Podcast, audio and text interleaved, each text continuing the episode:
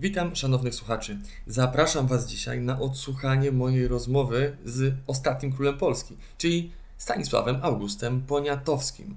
Jak myślicie, czy zmieniłby coś w swoim postępowaniu, czy podjąłby inne decyzje, jeśli tylko miałby okazję, taką jak ja dzisiaj, cofnąć się w czasie? Myślicie, że wtedy postąpiłby inaczej? Tego nie wiemy, ale mam nadzieję, że te oraz inne odpowiedzi poznamy w wyniku naszej rozmowy, na którą Was teraz serdecznie zapraszam. Witam szanownego byłego króla Polski. Na wstępie chciałbym się przedstawić. Ja nazywam się Marcin Włoch i przybywam tutaj z odległego, bo XXI wieku. Moje uszanowanie. Mamy 28 listopada roku 1796, czyli jesteśmy już po trzecim rozbiorze Polski. Czy król jest zadowolony z tego, że Polski nie ma już na mapach Europy? A cóż ja mogę powiedzieć? Czasu nie cofnę. A gdyby jednak miał pan taką możliwość i mógłby pan ponownie wrócić do roku 1764? Myślę, że wiele spraw rozwiązałbym jednak nieco inaczej. Ależ jest pan małomówny. W takim razie przejdźmy do pytań. Czy romans z carycą Katarzyną II był decydujący w otrzymaniu korony polskiej? Myślę, że tak. Z perspektywy czasu wiem, że dałem się wciągnąć w polityczną gierkę i drugi raz tego samego błędu bym nie popełnił.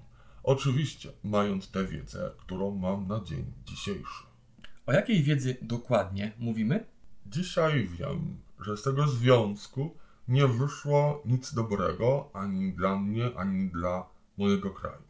Katarzyna wykorzystała moją naiwność i sterowała mną jak kukiełką. Ale ja mam jednak coś na swoją obronę. A co dokładnie król ma na myśli? Moi rodzice bardzo dbali o moją edukację. Znam wiele języków. Łacinę, francuski, niemiecki, po części włoski i po części francuski. Że już nie wspomnę o poprawnej polszczyźnie.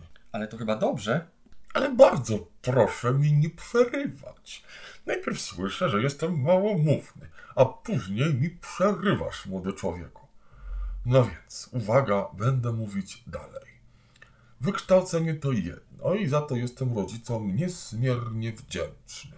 Jednak sposób, jaki je uzyskałem, pozostawia jednak wiele do życzenia. Ja to nazwałem cieplarnianym wychowaniem.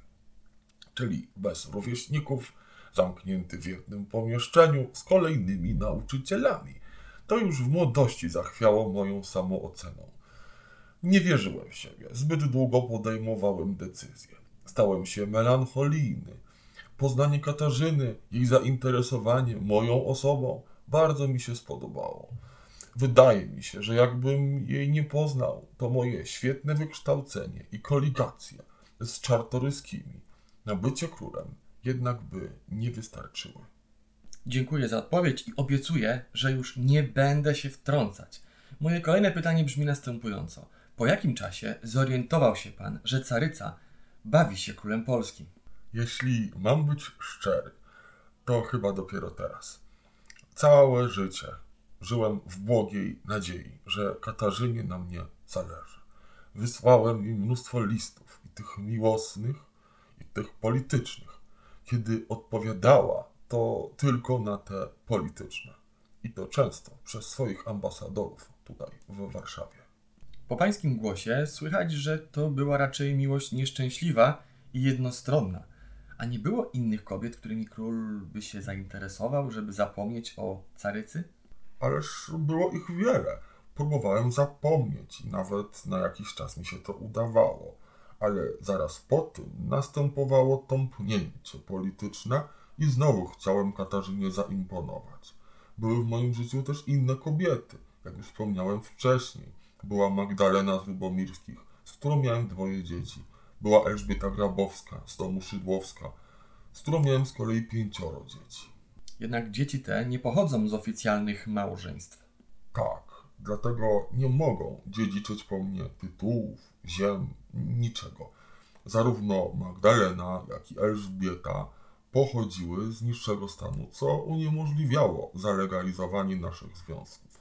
W moich czasach ma nawet to swoją nazwę i nazywa się to związkiem morganatycznym. piękna nazwa na te moje niefortunne związki. Ależ proszę mi wierzyć, że Stanisław August Poniatowski nie jest pierwszą ani ostatnią osobą będącą w takim związku. Idźmy dalej. Proszę wymienić swoje błędne decyzje, które były podjęte w wyniku zauroczenia albo, jak kto woli, zaślepienia Katarzyną II. Och, nie wiem, czy mamy tyle czasu, ale postaram się wymienić te według mnie najgorsze. Pierwszy błąd, który popełniłem, był na początku mojego panowania. Wówczas, zamiast załagodzić w Polsce sprawę dysydentów, ja dałem się nabrać na miłe słówka Katarzyny wypowiadane przez Mikołaja Rypnina. Jak to się skończyło, wszyscy wiedzą. Kolejny błąd pojawił się już po pierwszym rozbiorze. Podczas Sejmu Rozbiorowego siedziałem i biernie patrzyłem, co wyprawia marszałek Adam Poniński. Ale takie właśnie miałem ustalenia z cesarzową. Błędem były też moje próby pertraktacji z Katarzyną podczas Sejmu Czteroletniego. Nie musiałem tego robić. Mogłem tak naprawdę skupić się na opracowywaniu konstytucji, a ja głupi liczyłem, że dogadam się z Katarzyną. Proszę mi wybaczyć, ale tym razem jednak muszę się wtrącić. Przecież to dzięki panu udało się uzyskać zgodę Katarzyny na zwołanie posłów w drodze Konfederacji, a nie Sejmu, dzięki czemu nie można było użyć liberum veto. Ja uważam to jako dosyć duży plus. Dziękuję za te słowa. Nawet nie wiesz pan, jak się cieszę, ponieważ ja sam nie chciałem się tutaj chwalić, ale tak, to jest racja. Udało się zorganizować ten Sejm. Kolejne lata to następny błęd. Mimo tego, że czynnie uczestniczyłem w pracach nad konstytucją, to zbyt szybko się jej wyparłem. Ja się po prostu przestraszyłem. Wojna w obronie konstytucji była niezwykle krwawa i pomimo zwycięstw pod Zieleńcami czy Dubienką, nie dawała jednak szans na końcowy sukces. Dodatkowo miałem ogromne długi, których spłaty oczekiwała caryca. Mogłem je umorzyć tylko jedną decyzją. Przystąpiłem więc do Targowicy. Obiecałem nawet abdykację na rzecz wnuka Katarzyny, Konstantego. Później jeszcze został Sejm Grodzieński, Insurekcja Kościuszki i trzeci rozbiór Polski. Widząc, jak pan cierpi mówiąc te słowa, darujmy sobie kolejnych szczegółów. Przejdźmy może do plusów pańskiego panowania. A takim było na przykład utworzenie w 1765 roku Szkoły Rycerskiej.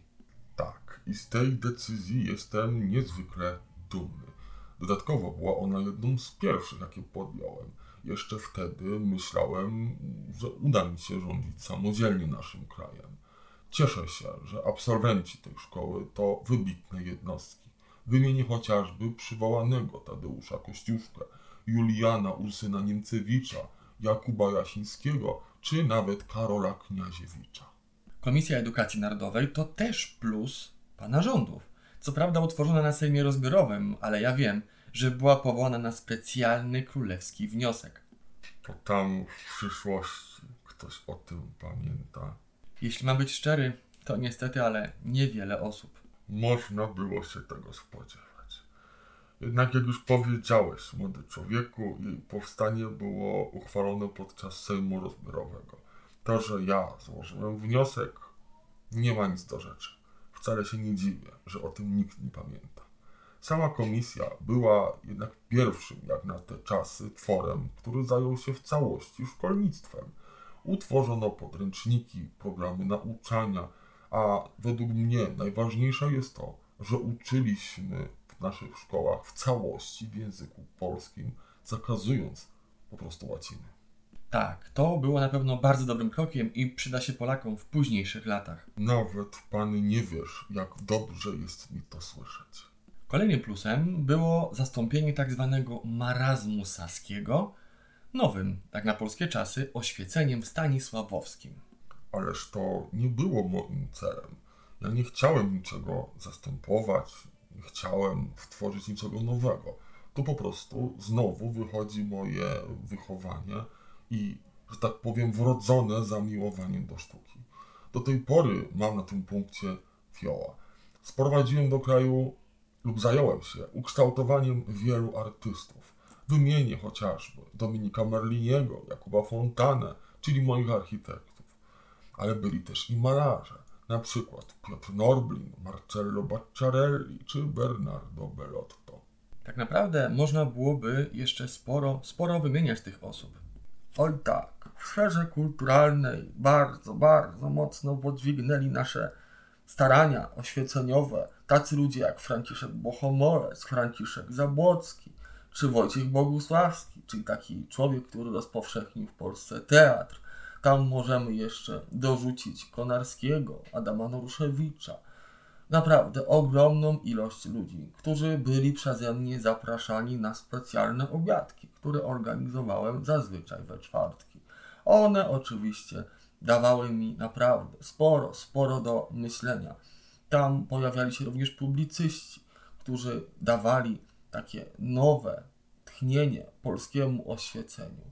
I to wszystko później było publikowane w takich zabawach przyjemnych i pożytecznych. To był taki nasz tygodnik, który był redagowany przez Adama Naruszewicza.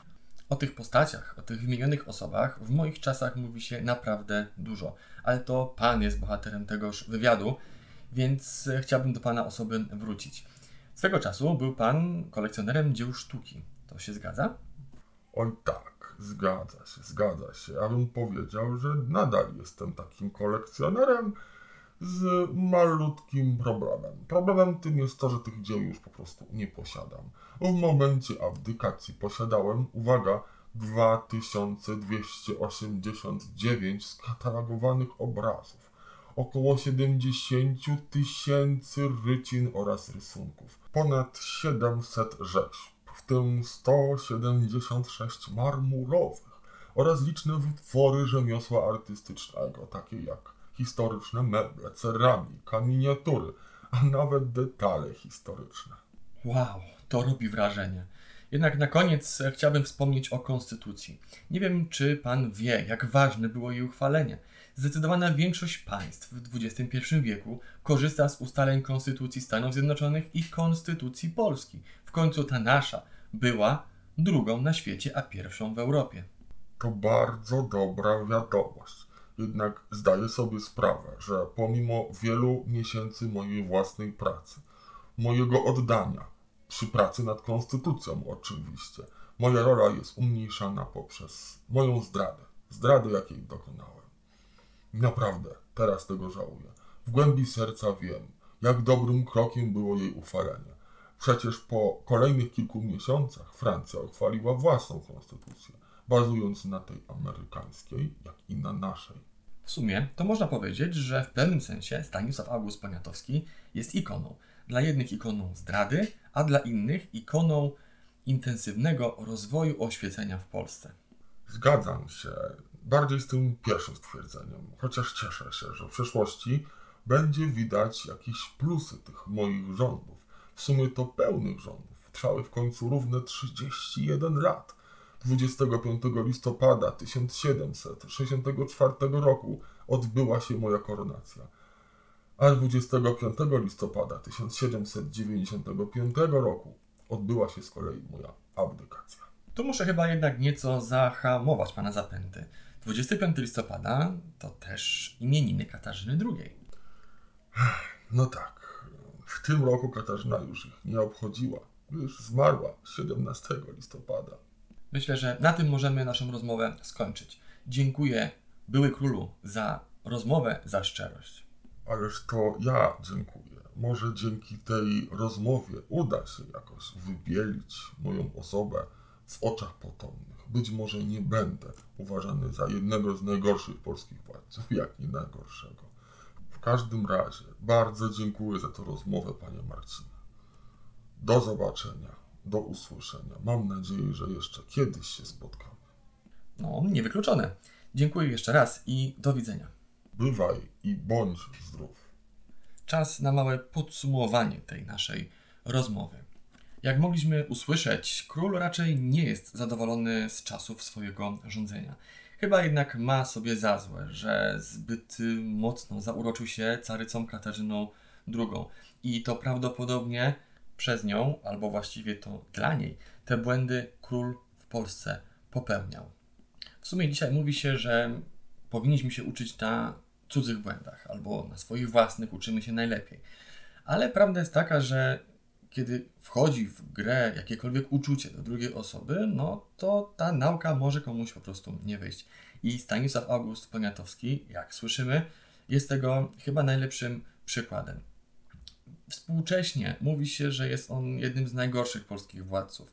Bardzo dużo osób piętnuje jego wady, zapominając o jednak wielu zaletach. Przecież to dzięki niemu te oświecenie w Polsce przybrało taką formę, jaką rzeczywiście mogło przybrać, i wydaje mi się, że było to chyba najlepszą formą, jakiej moglibyśmy się wówczas spodziewać.